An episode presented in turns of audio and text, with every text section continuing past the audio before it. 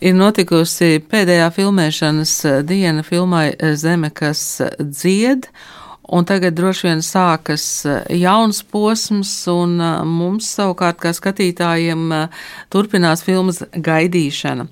Bet šobrīd studijā ir filmas režisors Māris Martinsons. Labdien! Labdien! Un Zūmā mēs esam sazinājušies ar filmas scenāriju autoru Dainu Ivānu. Labdien! Labdien! Dziesmu svētku 150 gadi, un uh, dziesmu svētki šajā vasarā, un filma. Vai jūs varat pateikt to mazliet restaurēt filmas idejas ģenēzi? Kā tas sākās? Nu, tagad, skatoties atpakaļ, uh, vajadzētu apstāties pie 17. gada. 2017. 2017. gada, jo īsi pirms Latvijas simtgadus jubilejas bija tāds pārdomu brīdis. Teiksim, tajā jubilejas tādā kontekstā un prizmā, vai ir kāds stāsts Latvijas vēsturē, kurš līdz šim nav bijis izstāstīts, kurš kurš teiksim, būtu interesants arī ne tikai kā stāsts, bet arī kā, kā filmas uh, sižets. Un kāpjoties atpakaļ no mūsdienām, lēnām, lēnām, lēnām līdz pagātnē, mēs apstājāmies ar producentu Lindu Krūkli pie 1873. gada un apstājāmies pie visiem labi zinām un pašsaprotama gada un datuma pie pirmajiem dziedāšanas svētkiem. Uh, Bet apstājoties tur, mēs tā sākām skatīties, kas notiekās apkārt, un sapratām, ka izņemot to datumu un gada skaitli, informācijas ir ļoti maz. Un uh, saprotot, ka tuvojās arī dziesmu svētku 150 gadi, mēs sākām domāt par to, ka uh, tā pašsaprotamība, kas ir cilvēkiem, kas ir pieraduši, ka ik pēc pieciem gadiem ir dziedāšanas svētki, ir dziesmu svētki, sanāk cilvēki dzied, ka tas ir kaut kas tāds, kas radās uh, no uh, dažiem cilvēkiem, radās vietā, kur nu, īstenībā tas kaut kas tāds, kas kādreiz nebija. Ja, teiksim, mēs zinām, ir pavasaris, saule, ziemā sniegs, un tas katru gadu atkārtojas. Un sākot pētīt eh, materiālus, mēs sapratām, ka pat šis notikums un šis gads nav apkopots kaut kā, nu, vienā plauktā bibliotekā būtu 73. gads un viss salikts. Sākot pētīt un meklēt materiālus, nācās no dažādām vietām meklēt, no mūzikas, no, no vēstures, no arhitektūras, no tērpiem. Tas bija tas interesantākais, ka pētot, kad notikās un kā notikās dziedāšanas svētki, mēs iegājām tajā gadsimtā iekšā, pašā vēsturē iekšā. Daini, mēs jau tikko dzirdējām, ka tas gads um, nav tā vienoti dokumentēts. Um, kur tad vajadzēja meklēt tos uh, scenāriju pieturas punktus? Nu, vispirms jau ierosme nāca no Lindas un Māra, un uh, man bija nu, tāds, tas piedāvājums bija tāds, ka bija ļoti grūti atteikties, kaut arī nu, tā laika un iespējas man nebija pietiekoši daudz, bet es sapratu, ka nu, šis ir tāds uh, laika posms, būtībā tas sākuma punkts latviešu tautas vēsturē, ka tas ir jāizstāsta arī kino valodā. Un, uh, tie avoti ir praktiski nu, tas, ko mūsu um, visdažādākie vēsturnieki un sociologi un arī filozofi ir savā laikā pētījuši, aprakstījuši. Vispirms jau tieši atmiņu avoti, nu, kā piemēram Matīs Kaudzītis. Uh, atmiņas par tautisko laikmetu, kas tāds diezgan oriģināls un dziļš ārona matīs, dažā, dažādi raksti, arī Rīgas Latviešu biedrības protokoli, grāmatas, gada grāmatas, ko mēs izmantojām. Un eh, neapšaubāmi, ka mm, es jau, eh, ne arī Māris, mēs neesam pētnieki, mēs nevarējām rakties arhīvos, iedziļināties tajos, mēs aptvērām to, ko cilvēki līdz mums ir izdarījuši, bet, nu, varētu teikt, fragmentāri, jo viņi ir pētījuši kaut kādu atsevišķu jomu.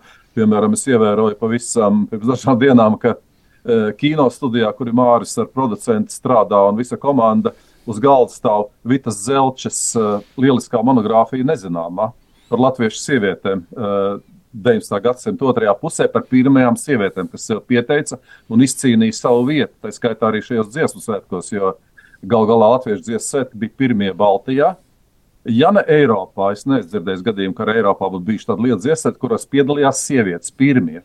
Un arī manas galda, kā rokas grāmatas stāv šī Vitas Zelčs nezināmā par šīm brīnišķīgām, spēcīgajām latviešu sievietēm, kuras sev pieteicis, nu, būtībā tādā Eiropas mērogā, ar, varētu teikt, ar renesanses vērienu. Tieši nu, šajā dziesmu svētku periodā. Protams, arī Ernštrēta mm, kroģa pinējas grāmata, kur viņš izpētījis cimzas vēsturi, to, to, ko darījis cimzas tēvs, ir, lai tuvinātu šos latviešu dziesmu svētkus. Pat Erika Jēkabsona pētījumi par latviešu karavīriem. Es esmu izmantojis Arnolds Klotiņš, ir bieži man glābēja riņķis bijis zvanot un sakot, kā, kas tur varēja būt vai, vai, vai nebūt. Nu, tā kā šo pētījumu daudz, un, protams, Valentīna Bērskalna, nu, vienīgā īsta lielā monogrāfijā par latviešu dziesmu svētku vēsturi, kas iznākusi trimdā un arī mana uh, nu, mīļā šobrīd dziedāšanas skolotāja Jāņa Bērziņa, Madonieša grāmata mm, Dziesmotais novads. Jo es pats esmu madonietis, un man tā vēsture nedaudz pazīstama. Un, un, un, un viņš ir vienīgais, kurš apkopojas dziesmu svētkus no pirmajiem pat pirms pirmajiem līdz pat mūsdienām. Un, un, un tā kā no eh, šo, šajā lauka līnijā, kas ienāca iekšā, mēs arī par to runājām. Jo būtībā jau dziesmētki bija nu, tāds kā pirmā latviešu pašorganizēšanās, pirmā latviešu pašvaldīšanās skola, eh, Rīgas Latviešu biedrība gal galā apvienoja tās daudzās dziedāšanas biedrības, kas bija dibinājušās visdažādākajos lauku, lauku novados. Un, eh, nu, tā pamatdoma jau bija, ka nebija jau ar tādu tikai uh, pragmatisku nolūku uzlabot Rīgas Latviešu biedrības finansiālo stāvokli, ne tikai uh, radīt šo dziesmu svētku tradīciju, bet kā nu, visi tie lielie dziesmu svētku rīkotāji pēcāk izteicās, lai apvienot vai būtībā pat radīt latviešu tautu. Jo mūsu filmas galvenais varonis Rihards Tomsons dokumentāli, dokumentāli viņš tā arī saka, ka ja pa Sirmās Rīgas vārtiem ienāca šajās pēcjāņu dienās kurzemnieki, vidzemnieki, lai satiktos ar rīdziniekiem, tad pa tiem jau izgāja vienota latviešu tauta, jo mm, būtībā jau arī Latvijas vārds eh, pirms desmit gadiem, tikai pirms 873. ir, ir Jura Alonāna izdomāts, neiegājies īpaši un jau aizliegts, jo tas nepatika ne Vācu administrācijai, ne arī, ne arī Krievu šovinistiskajai valdībai, kolonālajai valdībai, kas toreiz valdīja par Latviju. Un par spīti tam tieši šajos dziesmu svētkos, dziesmu svētku repertuārā aizliegto dziesmu, Dievs svētī Latviju, uh, Baumaņa Kārļa oriģinālu dziesmu, uh, Baltijas skolotājs semināra, semināristu koris nodziedāja atklāšanas ceremonijā, jo viņi bija pamanījuši, ka, ka koncertā aizliegts, bet nekur nav rakstīts, ka aizliegts dziedāt atklāšanas ceremonijā. Protams, šo dziesmu pēc tam aizliedza otrajos dziedāšanas svētkos. Tā skanēja tikai kā melodija Jurijāna Andreja dziesmu svētkus, tādā svītās atcerētā, bet, bet tā skanēja. Un būtībā tad Uh, no visiem šiem avotiem, daudziem no mūsu vēsturnieku pētījumiem, no arhīviem, ko mēs dabījām, mēs uh, nu, mēģinājām izveidot stāstu.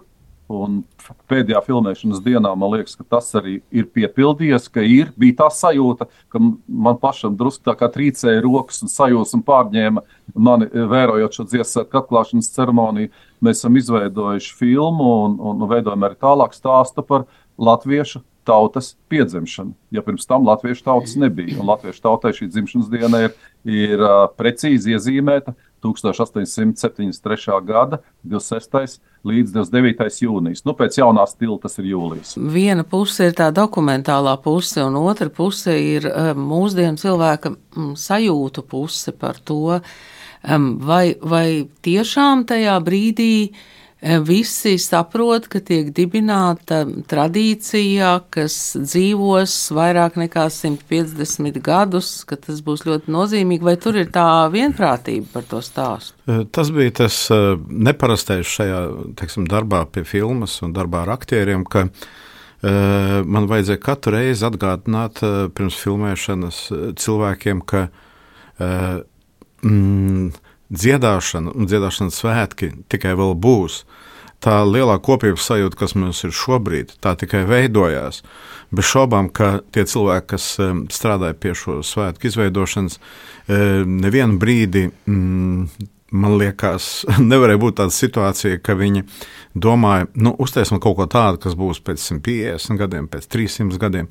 Nē, viņi caur šo savu darbošanos, caur to svētku veidošanu, viņi kaut kādā unikālā veidā vienkārši iemiesoja tā brīža uh, katra, katra latvieša sajūtu un to kopējo sajūtu, līdz kam jau visi bija nonākuši. Arī teiksim, strādājot pie filmas, tas man bija ļoti interesants process, jo sākumā, uh, vēl pirms, teiksim, mēs uh, nopietni ar Dainu ķerāmies pie vēstures apgūšanas, es izveidoju stāstu. Uh, izveidoju stāstu sižeta filmai, kad Rīgas Latviešu biedrība un biedrības vadība, kas nodarbojās ar to svētku organizēšanu, un paralēli arī stāsts par mazu lauku ciematiņu, kurā ir meitene, kas ļoti grib dziedāt, bet tā ir vīru koris. Un, zinot to, ka šajos svētkos piedalījās arī sievietes, viņa bija tā, kas iemiesoja tieši to sieviešu kustību, sieviešu vēlēšanos arī, arī sevi apliecināt un, un, un, un par sevi runāt. Un, uh, jo vairāk mēs gājām tajā stāstā iekšā, vairāk tu saproti, ka tas nav tikai stāsts par to, kā izveidojas dziedāšanas svētki. Tas ir kaut kas daudz dziļāks, daudz svarīgāks. Tā ir tiešām, kā, kā Dainis, Dainis teica, tā ir tāda sevis apzināšanās un tāds Latvijas, Latvijas dzimšanas sākums un, un filmēšanās bez šaubām. Filmējot lauku, lauku epizodes, lauku koru epizodes, tā kā mums bija tās mēģinājumi, tādas uh, vietas, ka viņi mēģina tās dziesmas, un uh, visi aktieri uzreiz ļoti aktīvi dzied. Un tā, un man nācās visu laiku viņus kaut kādā veidā nomierināt, teikt, vīri, vīri, nu nav tā. Uh, Ja jūs vēl negribat dziedāt, jūs gribēsiet dziedāt eh, pēc dziedāšanas svētkiem, jums tā vēlēšanās būs kopīga, tā kā jūs sapratīsiet, ko tas nozīmē. Un man ļoti palīdzēja tas, ka tā kā tās tādas eh, ziemas ainas, kad ir ļoti daudz tumšā laika un filmēšana notikās naktī. Un, Es skatos, kaut kur pulkstenis vienos, pusdivos, jau visi tam mazliet saguruši, jau vairs nav tas entuziasms, un es redzu, tas ir tas. Tie ir tie cilvēki, kas ir nomākti ar ziemas tumšumu, tie ir tie cilvēki, kas nomākti ar ļoti skopoto sadzīves, to ikdienas, šo, to, to nastu, kas ir. Tie ir tie cilvēki, kas sanākuši kopā. Un, ja nu, mazliet ir spēks padziedāt, bet tas nav tas dziedāšanas spēks, par ko mēs šobrīd runājam. Tas ir tas, un, jo stāsts ir par to, kā no šīs mazās no šīs mazās tās, uh, apziņas izveidojas tā lielā kopīga apziņa, ko tie svētki izdara. To vajadzēja katru reizi atkārtot. Un tad, kad mēs filmējam uh, dziesmu svētku atklāšanas epizodi, kur bija pirmo reizi izpildīta Dievs svētī Latviju, tad mēs īpaši uzrunājam. Mēs ar Dainu īpaši uzzinājām tos cilvēkus, kuri tiešām bija vairāk kā 500 sanākuši piedalīties šīs, šīs epizodes filmēšanā. Viņiem izstāstījām to, ka tā nav himna tā ir dziesma. Tā ir vienkārši dziesma ar dziļu saturu. Ļoti daļa no uh, klausītājiem to dzird vispār pirmo reizi. Daļa ir dzirdējusi. Tas nav tas, kas mums šobrīd, un man liekas, tas ir tas uh, aizkustinošākais un, un tāds sirsnīgākais un emocionālākais brīdis, ka cilvēki dzirdot dziesmu pirmo reizi, viņi sāk celties kājās, tāpēc ka kaut kas iekšā notiekās emocionāli, viņi tiek uzrunāti emocionāli, viņi ir aizkustināti, un, un tas izpaužās tajā. Un, Un, eh, tā tiešām varētu teikt, ka šī dziesmu svētku atklāšanas epizode, kur tiek ienests līgo karoks, pirmais karoks, zem, zem kur apvienojās latviešu, latviešu tauta, un pirmo reizi tiek nodziedāta šī aizliegtā dziesma, tā ir viena no filmas kulminācijas epizodēm, jo tā ir tā, kas pasaka to būtību šiem svētkiem, kur atkārtojas ik pēc pieciem gadiem, ka mēs katru reizi uh, esam aicināti kopā apliecināt sevi, apliecināt mūsu atzimšanu caur dziesmu, jo dziesma, kopīgā dziesma ir tas, kas uh, atklāja mūsu spēku, mūsu kopīgo pārliecību, mūsu kopā būšanu. Droši vien būtu sarežģīti nosaukt visus aktierus, kas tur piedalās, jo to ir ļoti daudz. Varbūt pat vienkāršāk ir pateikt, kuru nav. Bet um, Marina Rebeka, kāda ir viņas loma? Sākot domāt par, par uh, sižetu, kas uh, varētu teikt, ir izdomātais sižets par uh, lauku, lauku meiteni un uh, to lauku koru, kurā dzied tikai vīri un paši dzied negribīgi, mēs sapratām, ka uh, mums ir vajadzīgs kāds cilvēks, arī kāds sievietes tēls, ar ko tā jaunā meitene varētu runāt un dalīties. Un, un uh, rakstot scenāriju, izveidojās uh, tāds tēls kā viņas, viņas tuviniece, viņas tante. Un, domājot par to, kas varētu attēlot uh, pirmais tāds uh, impulss un pirmais ceļš bija, es sāku skatīties uz dziedošām sievietēm, uz dziedošām sievietēm, uh, apmēram tajā vecumā, un tās, kas uh, tiešām kaut kādā ziņā nevis ne tikai vienkārši dzied, bet viņām arī ir kaut kāds stāsts. Un viena no pirmajām, un man mazāk zināmajām, bija Marina Rebeka, un es uzdrīkstējos viņai piezvanīt. Un vienkārši izstāstīt par ideju, jo, jo parasti, tad, kad sāk strādāt pie filmas, eh, tas process notiek tā, ka nu, gal, gala rezultātu gala atbildi pasaka pats aktieris. Es nevaru piespiest nevienu filmēties, ja, arī uzrunājot pārējām lomām, bija, bija tas process. Un arī uzrunājot uz pārējām lomām. Un, jā, un es viņai izstāstīju, un viņa bija mazliet samulsusi bez šaubām, jo jo cilvēkam no pilnīgi citas sfēras tās no piedāvā. Operas, jā. jā, no operas. Bet uh, tā kā es izstāstīju par stāstu par pašu filmu, viņi saprata, ka tas ir kaut kas tāds, kam viņa pat ir gājusi cauri, ko viņa pat ir izjutusi. Un uh, viņa, uh, viņa piekrita, viņa piekrita, un uh, bez šaubām tā bija zināma nedrošība, jo no manas un no viņas puses eh, satikties laukumā, viņa ar pilnīgi citu pieredzi. Tā ir skatuves pieredze, bet pirms tam es, es noskatījos pāris viņas izrādes, ierakstā. Es redzēju, cik viņa ir fascinējoša uz skatuves, un es sapratu, ka tas ir kaut kas tāds, ka, ko cilvēks nevar noslēpt. Tas ir uz, uz ekrāna, tas kaut kas daudz vairāk par, par vārdiem, un viņi piekrita, un mēs strādājām. Un, Un atkal jāsaka, pats grūtākais bija tikt eh, galā ar to, ka mums runāt par dziedāšanu, īpaši viņai, liekas, ka tas ir kaut kas tāds, kur tiešām tā ir pacelāta lieta, un to jārunā ļoti emocionāli. Bet eh, kaut kādā veidā nolaisties zemāk, saprast, ka tas ir sākums, saprast to cilvēcisko motīvu, būt klāt. Caur viņas tēlu es mēģināju izveidot to viņas eh, skatu uz to jauno meiteni, it kā tā ir viņas perspektīva uz viņas jaunību, kad vēl mazāk sievietes kaut ko varēja. Es runāju par tēlu, nevis par pašu Marinu. Un tas ļoti interesants savijās, un, un uh, man bija viena ļoti īpaša filmēšanas diena. Mēs filmējām uh, dziļi laukos, projām ziemas ainas, un uh, iedomājieties, Marina Rebeka. Iepriekšējā vakarā viņa stāv Laskalā uz skatuves. Viņa nodzied, Viņa iet, brauc uz lidostu, atlido, iekāp mašīnā, atbrauc uz dziļiem laukiem, ienāk iekšā dūmu piekvēptā istabiņā un runā par vienkāršām lietām. Tas man likās, tas ir kaut kas fantastisks, diapazons, emociju un vispār cik tā pasaule ir, eh, muzikālā pasaule ir interesanta un daudzveidīga. Es domāju, ka stāsts par masu skatu dalībniekiem patiesībā ir īpašs stāsts, jo tur um, cilvēki piedalījās un ar milzīgu entuziasmu darīja visu to, ko režisors lika. Daini, kura jums bija tāda īpašā filmēšanas diena?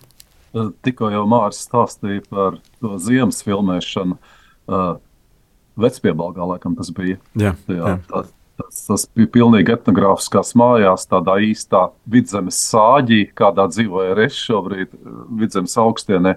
Un Marinas Rebekas ierašanās man arī bija, jā, tas bija tā tiešām, viņa bija kā nokritusi no kādas civilizācijas, pie tam tas bija tā kara fonā, tikko bija faktiski nesen sācies karš. Un, un mēs runājam arī par to ar viņu, un, un, un, un es jau arī tajā tēlā vēlāk piestrādādams pie viņa, mēģināja ielikt kaut ko no tās sievietes stūrgalvības un spītības latviešu, jo latviešiem nebija tik konservatīva sabiedrība kā krieviem un, un vāciešiem tajā laikā. Latviešiem sievietē bija milzīga loma, bet tiesību nebija, jo ne Krievu valsts, ne Vācu administrācija nedēļa sievietēm šīs tiesības. Un tad es gribēju ielikt uh, Marinā nedaudz no Igauņu atmodas dziesmnieces, uh, līdzinieces mūsu auseklim Koidulas raksturu kaut ko, ka viņa ir tā, kur arī tai savai krustmeitai, ko mums tēlo Marta Čelska, dot tādas ceļamais dzīvē, ka tu, tu, tu, tu, tu varēsi muzikāli izglītoties, tu varēsi vispār izglītoties, kas agrāk nebija iespējams. Tā, tā man bija ļoti spilgta, nu, un, protams, protams, tā diena, kad um, es pats filmējos un ietos uh, tā laika cilvēkos, kuri būtībā ir mūsu cilvēki, apbrīnojami cilvēki. Tas ir um, pirmo dziedāšanas svētku laicīgajā koncertā, ko mēs filmējām Valmierā, uh, Valmieras estrādē, uh, kas it kā tā. Uh, bija pārveidot līdzīgi ķēzara meža estrādē pirms 150 gadiem. Un, uh, tad man tādas zināmas trīsas bija tajā brīdī, kad ieraudzīju, ka tie pārģērbtie cilvēki arī tie bija simti, gan koristi, gan uh, tie, kas sēdēja skatītāju zālē, gan arī ievērojami Latvijas cilvēki šodien, kas mums bija svarīgi, lai saprastu, ka atmoda nav beigusies. Tas tilts no tās atmodas ir pārmests arī šodien. Viņi gāja tajos 19. gadsimta kostīmos, un es arī līdz ar to. Un es piepeši jūtu, ka, ka tas laiks ir atdzīvojies, bet pareizāk sakot, nevis atdzīvojies, bet dzīvo mūsos pašos. Un trešā aizkustinošākā, man, protams, bija pēdējā filmēšanas diena. Tas bija Rīgas Latviešu biedrības zāle, kas Sinavilē bija restaurēta ar, es domāju, pilnīgi autentisku to svētcenības sajūtu, ka tika ienests līgo karoks un, un dziedāta uh, lūkšana. Latvijas lūksne, ko tā, to laiku vēl neviens nepazina, bet, bet kuras brīdī pēkšņi cilvēki kaut kā apjauš, ka tā kā vajadzētu sākt uh, sākt celties kājās ar visu Kronvalda data iedvesmojošo, iedvesmojošo uzrunu. Tad man tā likās, ka, ka, jā, ka, ka mēs kaut kādā veidā nu, esam izpildījuši savu pienākumu pret tiem apbrīnojami drosmīgajiem, spītīgiem un ārkārtīgi gudrajiem, erudītajiem senčiem, kuri ir radījuši mūsu tautu. Jo, jo es jau vienmēr tajos kontekstos paplašinot atbildus jautājumu, atceros to, ka latvieši jau 873. gadā atradās krustcelēs. Viņiem vajadzēja kļūt vai nu par krieviem, jo krievu šovinisti uh, jau uzsāka šo nežēlīgo, drastisko pārkrievošanas politiku, vai arī par vāciešiem. Un, un, un piepeši te vairāk desmit jaunataviešu, labi izglītot situēt, kuriem visvieglāk būtu visam atmest roku un kļūt par augstu krievu ierēdni vai arī iekļauties vācu sabiedrībā. Viņi pasaka, mēs būsim latvieši. Un, un, un būtībā visu filmu man pavadīja tā, tas, ko Matīs Skaldzīts teica par šo laiku, arī par šiem pirmiem dziesmēkiem, ka visiem piepeši bija šiem cilvēkiem, kas ir tādi paši kā mēs, kuriem ir savas pretrunas, kuri strīdas savā starpā, bet viņus pēkšņi pārņem kaut kāda Ziemassvētku gaidīšanas sajūta. Un tie Ziemassvētki, ko viņi varbūt nesagaidīja, Kaut gan viņi sagaidīja to kā pirmo atmodu, kā latviešu nācijas izveidošanos, tādā modernā izpratnē šie Ziemassvētki ir pienākuši līdz ar neatkarīgo Latvijas valsti un ar tās atjaunošanu. Māri, vai jūs arī esat iefilmēts kādā epizodē? Uh, nē. Nē, jo, jo man ir bijusi savā laikā pieredze, kad es nostājos kameras tajā pusē, bet īsi, nu, ja kaut kur aizpildīt vietu, bet vienmēr es esmu jūties ļoti nērti, jo uh, Vienmēr es jūtu to, ka režisors nav laukumā, tas ir laukumā, tas ir aiz monitora, un režisors nesako procesam. Un, un, nē, š, es jau pašā sākumā Tā bija nu, nolēmums, ka es to nedarīšu, neskatoties uz to, ka, lai, lai nu, būtu tā kopības sajūta, es ataudzēju bārdu, un lai cilvēki, paskatoties no laukuma, varētu pastot, pastoties uz, uz, uz, teiksim, uz režisoru vietu, redzētu, viņš arī nu, viens no bārdēniem, jo tas bija tāds bārdu laiks tajā, tajā gadsimtā. Jā, un, bet nē, nē, man šoreiz pat nebija vēlēšanās būt, jo es gribēju būt tas cilvēks, kas to visu redz no malas Jo katra filmēšanas diena man bija tāda kā iekāpšana laika mašīnā, mistiskā un noceļošana 150 gadus. E, tādu garu ceļu atpakaļ un uh, būt tur, redzēt, tur, mēģināt izjust un saprast, kas ir tas, ko, ko vairāk, vairāk var pateikt. Jo Jo tā ir unikāla lieta, un tā ir vienreizēja lieta būt tajā gadsimtā, būt tajos notikumos, būt no malas, redzēt tos un kaut kādā veidā arī piedalīties e, viņu veidošanā. E, gaidām pirmizrādi, kad tā ir paredzēta? Pirmizrāde ir paredzēta šī gada novembrī. Tātad šobrīd montāžas un visi pārējie lielie darbi, filmēšana ir beigusies. Um, droši vien, ka filmēšanas laikā ļoti tālu vajadzēja atstāt visiem savus mobilos telefonus, bet um, aktieris Vils Daudziņš, kamēr viņu grimēja, uh, telefonā zīmēja dziesmu svētkus, un tā ir jau iznākusi grāmata pirmie latviešu dziedāšanas uh, svētki bildēs. Um, savukārt, uh, Daina, es saprotu, ka jums arī viss šis darbs turpinās un būs grāmata. Man gan Mārka klātbūtnē tā drusku neatrunāt, jo viņš savu darbu jau vismaz lielu daļu ir izdarījis. Mēs kaut ko vēl jau ir ko darīt. Kopā. Bet es pie savas daļas vēl strādāju. Milzīgi daudz materiālu mums ir palicis ārpus, ārpus scenārija, jo to nevar iekļaut scenārijā. Scenārija arī ir apvienot un sabīdīti kopā, saprasēti dažādi notikumi un arī uh, viena personība, Kronovalds mums uh, vienā runā ka to nevar atrisināt. Viņš runā arī Tomsona vārdus. Jo tā ir filma. Mums vajag izstāstīt to stāstu, jo būtībā jau nav bijis filmas, nav bijis notikuma. Un, un kā nu nedrīkstētu būt filma par latviešu tautas piedzimšanu. Bet um, pārējais būs grāmatā. Tā veidojas tā kā, tā kā romāns.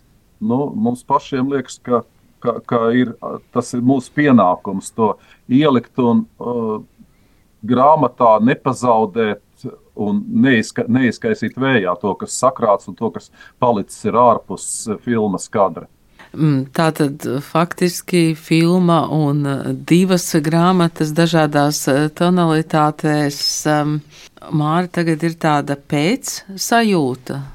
Es domāju, pēc sajūta būs pēc pirmizrādes īstā, jo šobrīd ir tā, ka uh, Eh, mazliet vieglāk ir, kad filmēšanas posms ir beidzies.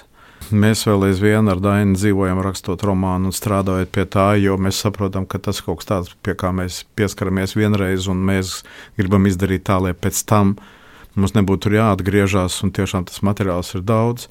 Es šobrīd esmu filmas montāžā, sākās filmas mūzikas rakstīšana, lai arī ļoti lielai komandai, daudziem cilvēkiem, pateicoties, kuriem izdevās visu nofilmēt, darbs ir beidzies. Ko nozīmē mūzikas rakstīšana šajā filmā? Jā, filmas nosaukums ir Zeme, kas dzied, tad tur bez šaubām ir ne tikai dziesmas, ir arī mūzika. Mēs strādājam pie šīs filmas kopā ar nu, fantastisku jaunu komponistu Jākabu Jančevski, un mēs jau tajā procesā esam, varētu teikt, jau gadu. Jo tad, kad man jau bija samontētas pirmās epizodes, es viņam sūtīju, un mēs sākām taustīties jau virzienus, muzikālās tēmas un kas un kā. Un šobrīd varētu teikt, ka mēs eh, nu, sākam strādāt pie filmas emocionālās eh, noskaņas, ko veido mūzika, un arī mūzikai jābūt tādai, ka tā izstāsta stāstu muzikāli. Un tajā pat laikā, teiksim, man tas posms, uh, Es nezinu, kad viņš beigsies, jo man visu laiku ir jābūt kopā ar filmu līdz pirmizrādēji un ar grāmatu līdz atvēršanas svētkiem.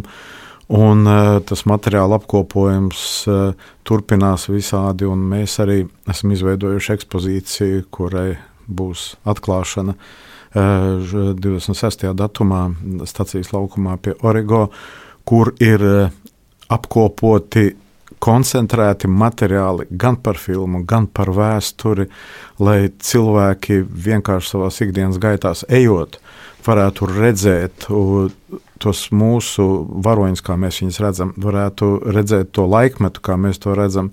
Tur arī ir vēsturiskais materiāls, kur tiešām vēsturnieki mums palīdzēja, kur, kur vēsturniece gan, gan, gan Zelča, gan Ilza Šarkovska Liepiņa dalījās ar savu, kas teiksim, mūsu filmā nav iekšā, bet bez kām nav saprotams teiksim, gan stāsts.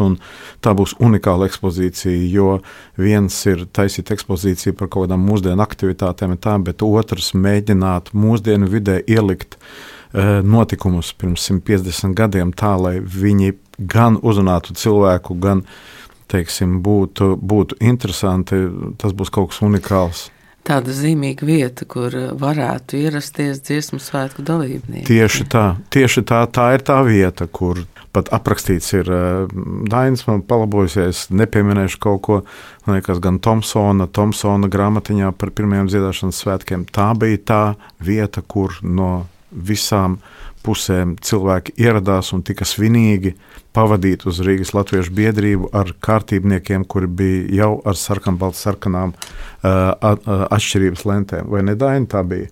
Jā, jā tā no nu, Rīgas stacija tā ir arī vēsturiska vieta, tāpēc arī tā izstāde, jo, jo Latviešu biedrības runas vīri sazinājās ar, ar dzelzceļu toreizējo, un tur bija pat atlaides šiem braucienam. Viņi tika sagaidīti, visi cilvēki, un tad svinīgi vest uz Rīgas Latviešu biedrību, pēc tam izmitināti pa, pa korteļiem.